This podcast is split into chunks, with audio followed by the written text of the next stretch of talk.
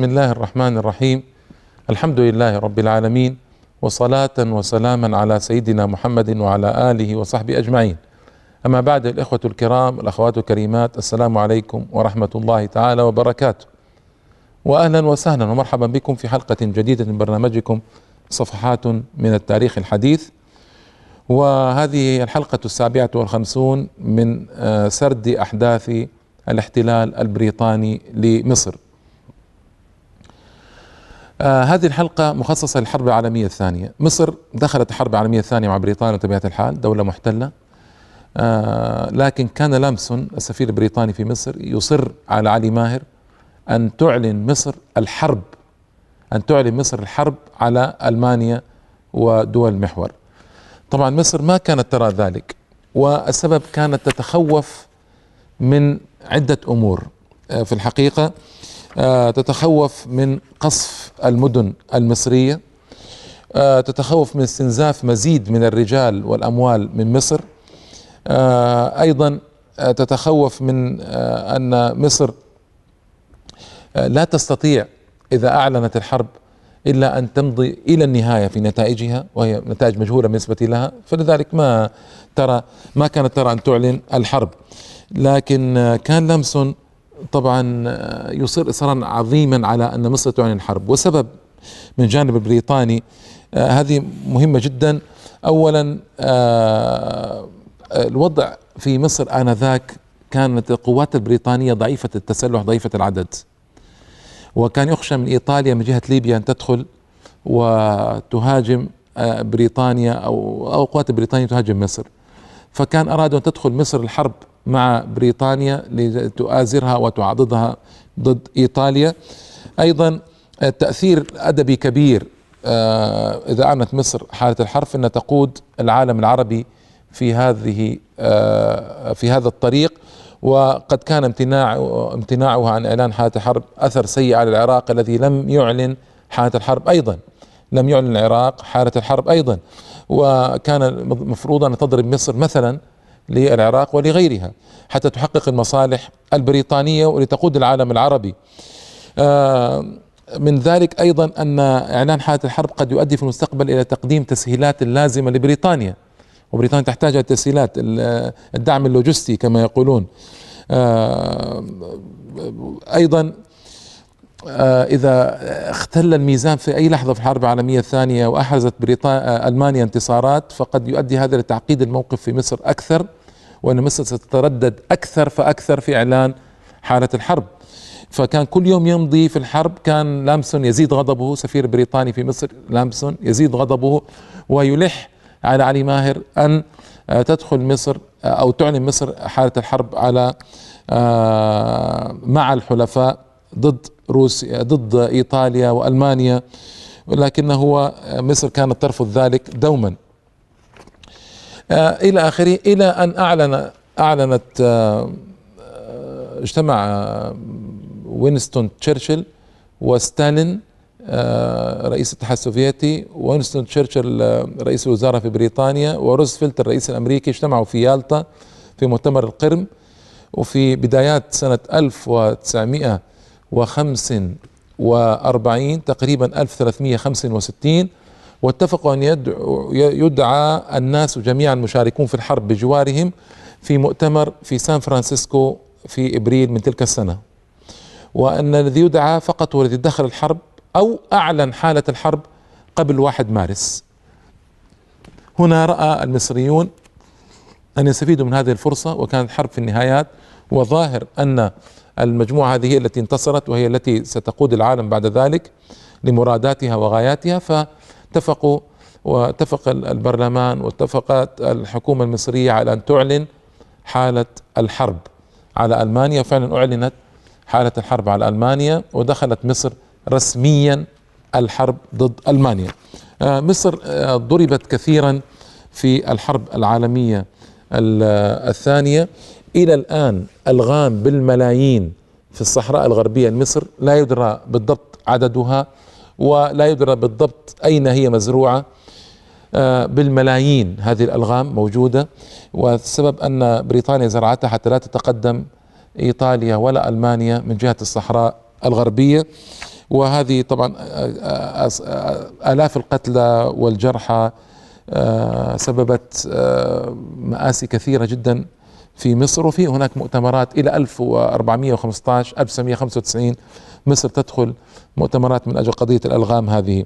آه 77 غارة جوية وقعت على الإسكندرية 15 غارة على القاهرة 46 غارة على منطقة قناة السويس إلى آخره.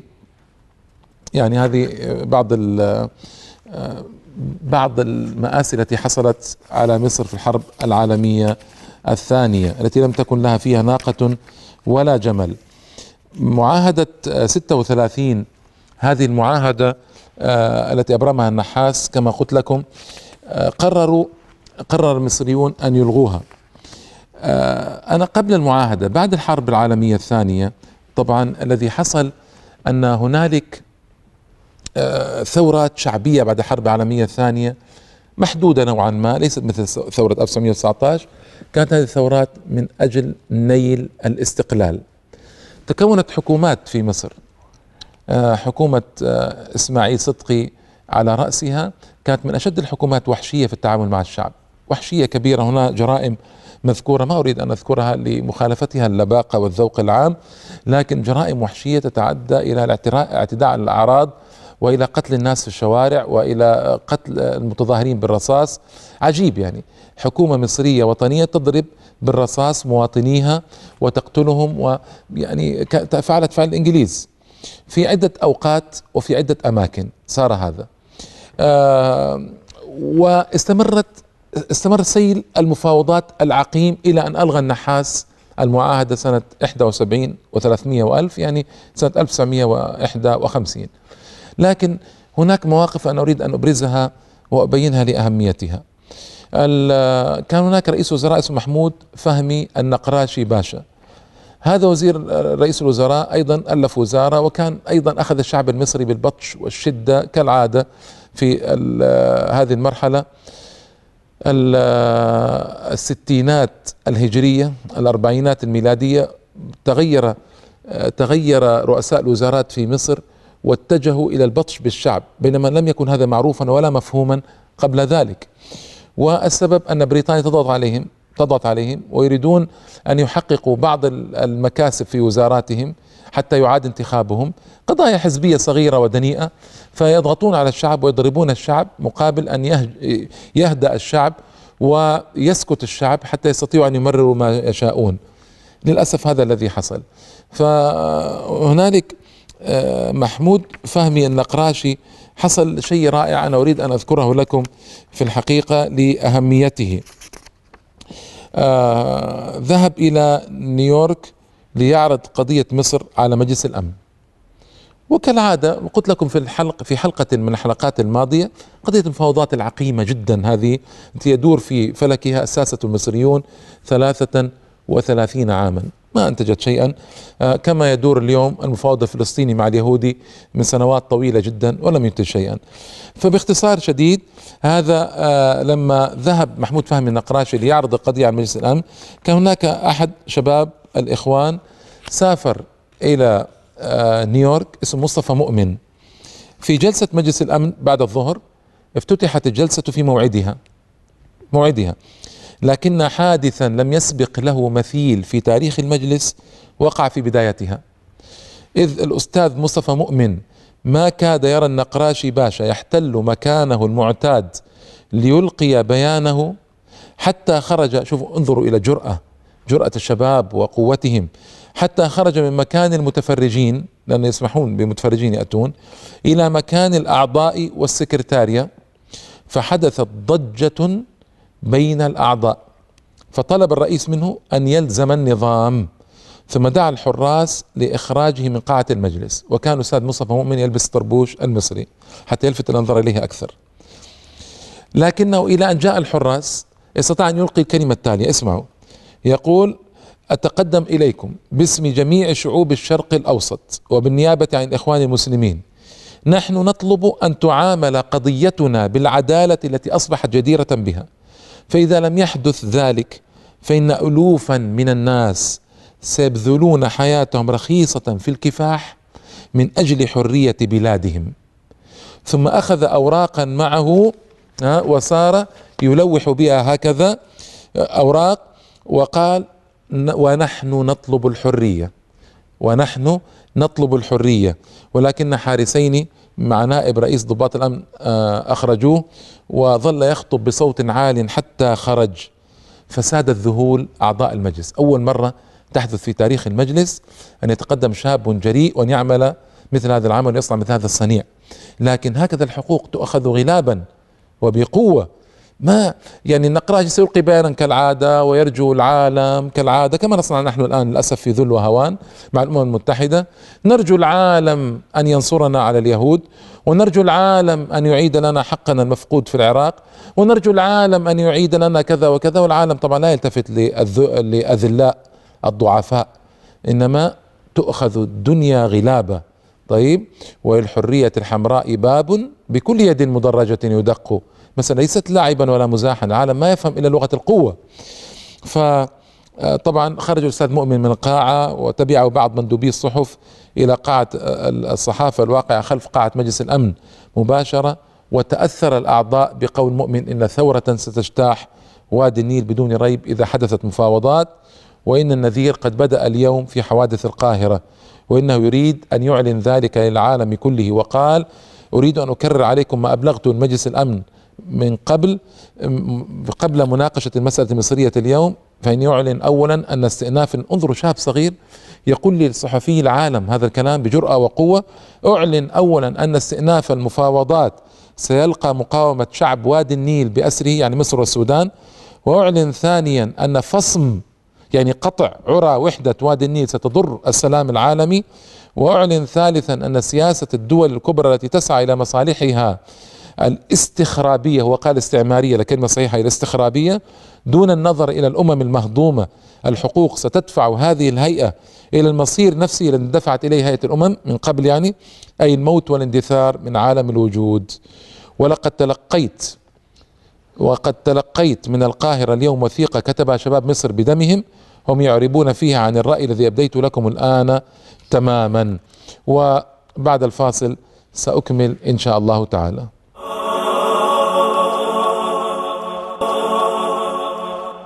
السلام عليكم مرة أخرى بعد الفاصل أيها الإخوة والأخوات. آه، الحركة التي عملها مصطفى مؤمن آه، والجرأة والقوة عملها شاب آخر أيضا محامي اسمه أحمد كامل قطب. أحمد كامل قطب آه، دخل إلى قاعة المجلس وأراد أن يقوم بمثل ما قام بمصطفى مؤمن فأخرجوه. لكن العجيب أن النقراشي بهت وبوغت مع مصطفى مؤمن. لكن هنا مع أحمد كامل قطب أنه اعتاد فقال له اخرج يا مجرم. اخرج يا مجرم. هكذا. فتعجب الطالب لقي النقراشي بعد ذلك بيوم في مكان في نيويورك وقال له كيف تقول عني مجرم أمام الناس؟ قال إذا عملت هذا العمل فأنت مجرم، قال إذا كان أحدا هو المجرم فأنت أنت المجرم. في حق مصر وفي حق نفسك إلى اخره اسمعه كلاما صعبا وصعبا جدا. يعني كانت الروح المصرية آنذاك في القمة. الشباب الحركات النشطة. نعم مصطفى مؤمن رجل من الإخوان المسلمين ورجل ربي على الإسلام وكذا والإسلام طبعا بطبيعته أن, أن يقذف في قلب صاحبه العزة والكرامة ولا يقبل الذل والهوان. لكن أيضا آه، يعني الجرأة الروح الوطنية وصلت إلى درجة رائعة جدا والجرأة الإسلامية والعزة والكرامة الإسلامية فاجتمعت عند مصطفى مؤمن وعند أحمد كامل وغيره. وهذا يدل على تطور الوضع في مصر يوما بعد يوم. بشكل جميل ورائع جدا. آه، أيضا الذي حصل هنا في المفاوضات بعد ما رجع النقراشي والمفاوضات هذه مستمرة والوضع في الحقيقة سيء جدا من قضية المفاوضات. آه، طبعا جرت بعض حوادث الاغتيال. علي ماهر قتل لأنه أعلن آه، انضمام مصر ضد ألمانيا في يعني أعلن حالة الحرب على ألمانيا في الحرب العالمية الثانية.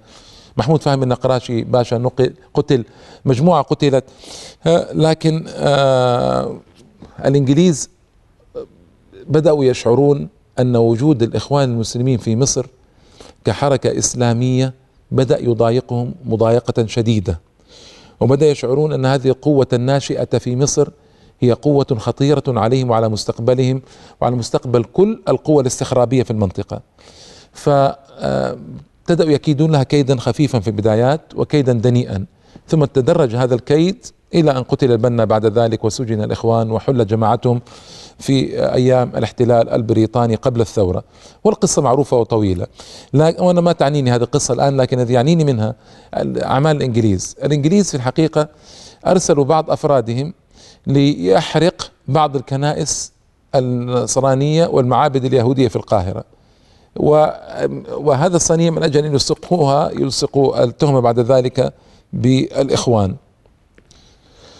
وهذه أعمال دنيئة تعودنا على عليها أن تحدث. يعني للأسف الشديد يقوم بأعمال دنيئة يريدون أن يحرضوا الشعب ضد المسلمين الصالحين العاملين والدعاء ويحرضوا القوة الاستخرابية العالمية. أيضا كان من شأن بريطانيا أن توقظ أمريكا على وجه الخصوص وتنبهها من هذا الخطر القائم في مصر الجديد الذي يسمى بالإخوان المسلمين. جريدة فيلادلفيا تريبيون اسمعوا في عدد 25 5 47 1947 تعرضت فيه الإخوان المسلمين وقالت إن عدم الاستقرار في مصر لا يرجع كله إلى الحمية الوطنية بين المصريين أنفسهم. فهنالك على سبيل المثال ما يسمونه جمعية الإخوان المسلمين. وهي التي غدت مسؤولة عن عدد من الحوادث التي وقعت في مصر أخيرا. إن نشاط هذه الجمعية في صالح الإسلام أكثر منه في صالح المصريين. طيب الحمد لله. وضد المسيحية أكثر منه ضد البريطانيين. هنا التدليس وهنا الهدم. وهذا يفسر الهجوم الذي وقع أخيرا على كنيسة قبطية. والهجوم الذي وقع منذ عام مضى على الكاتدرائية البريطانية في القاهرة أي مجمع الكنائس. وعلى معابد اليهود والكنائس اليونانية في الإسكندرية. طبعا كلها حوادث مدبرة. والإخوان معروفون لا يهاجمون كنائس ولا شيء.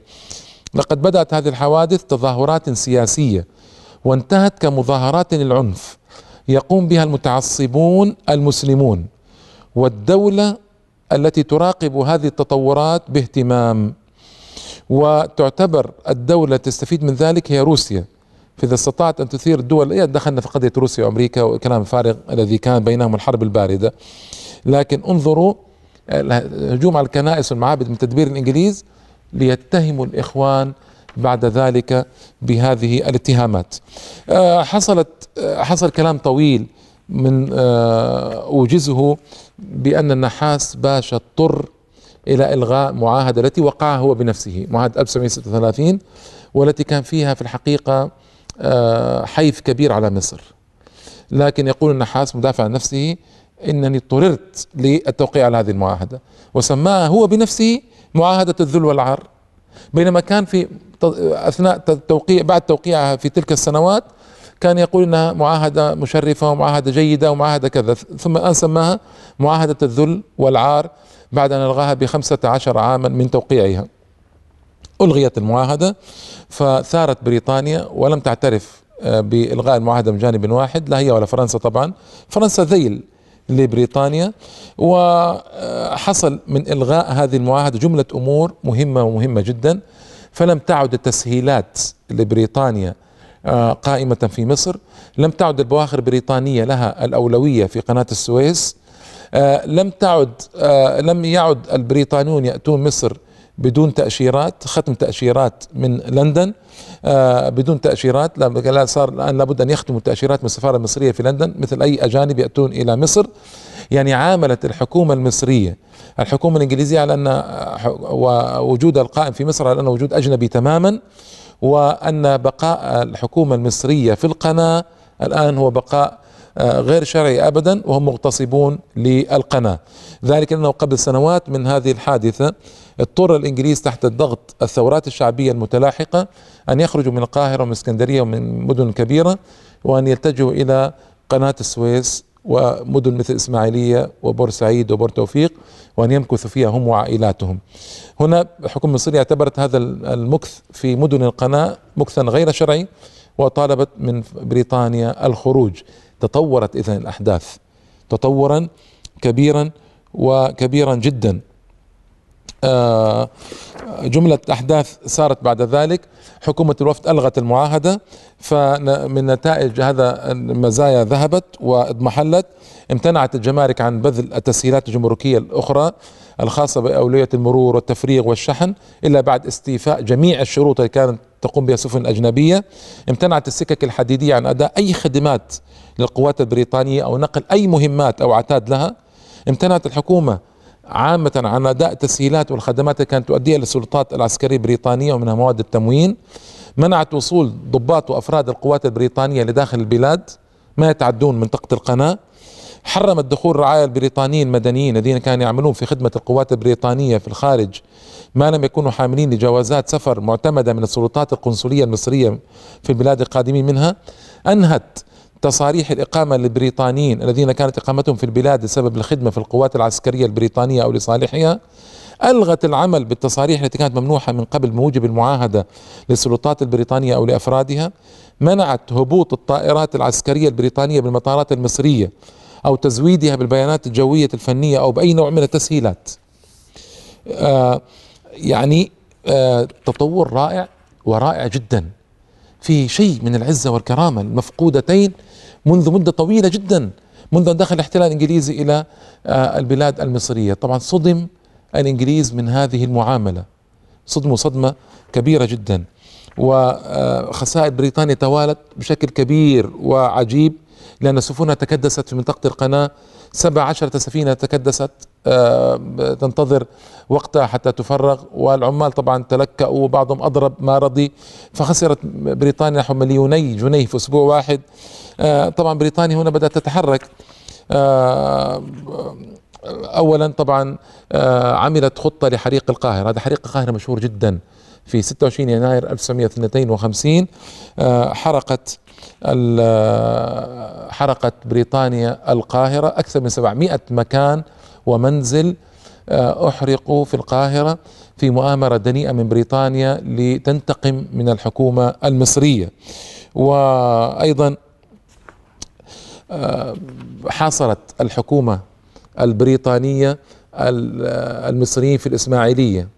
وهذه قصة سآتي عليها إن شاء الله تعالى. وأيضا في احتراق محل احتراق القاهرة آه، كان كل الحرائق تمت بأسلوب واحد من موجه أصابع الاتهام إلى الحكومة البريطانية.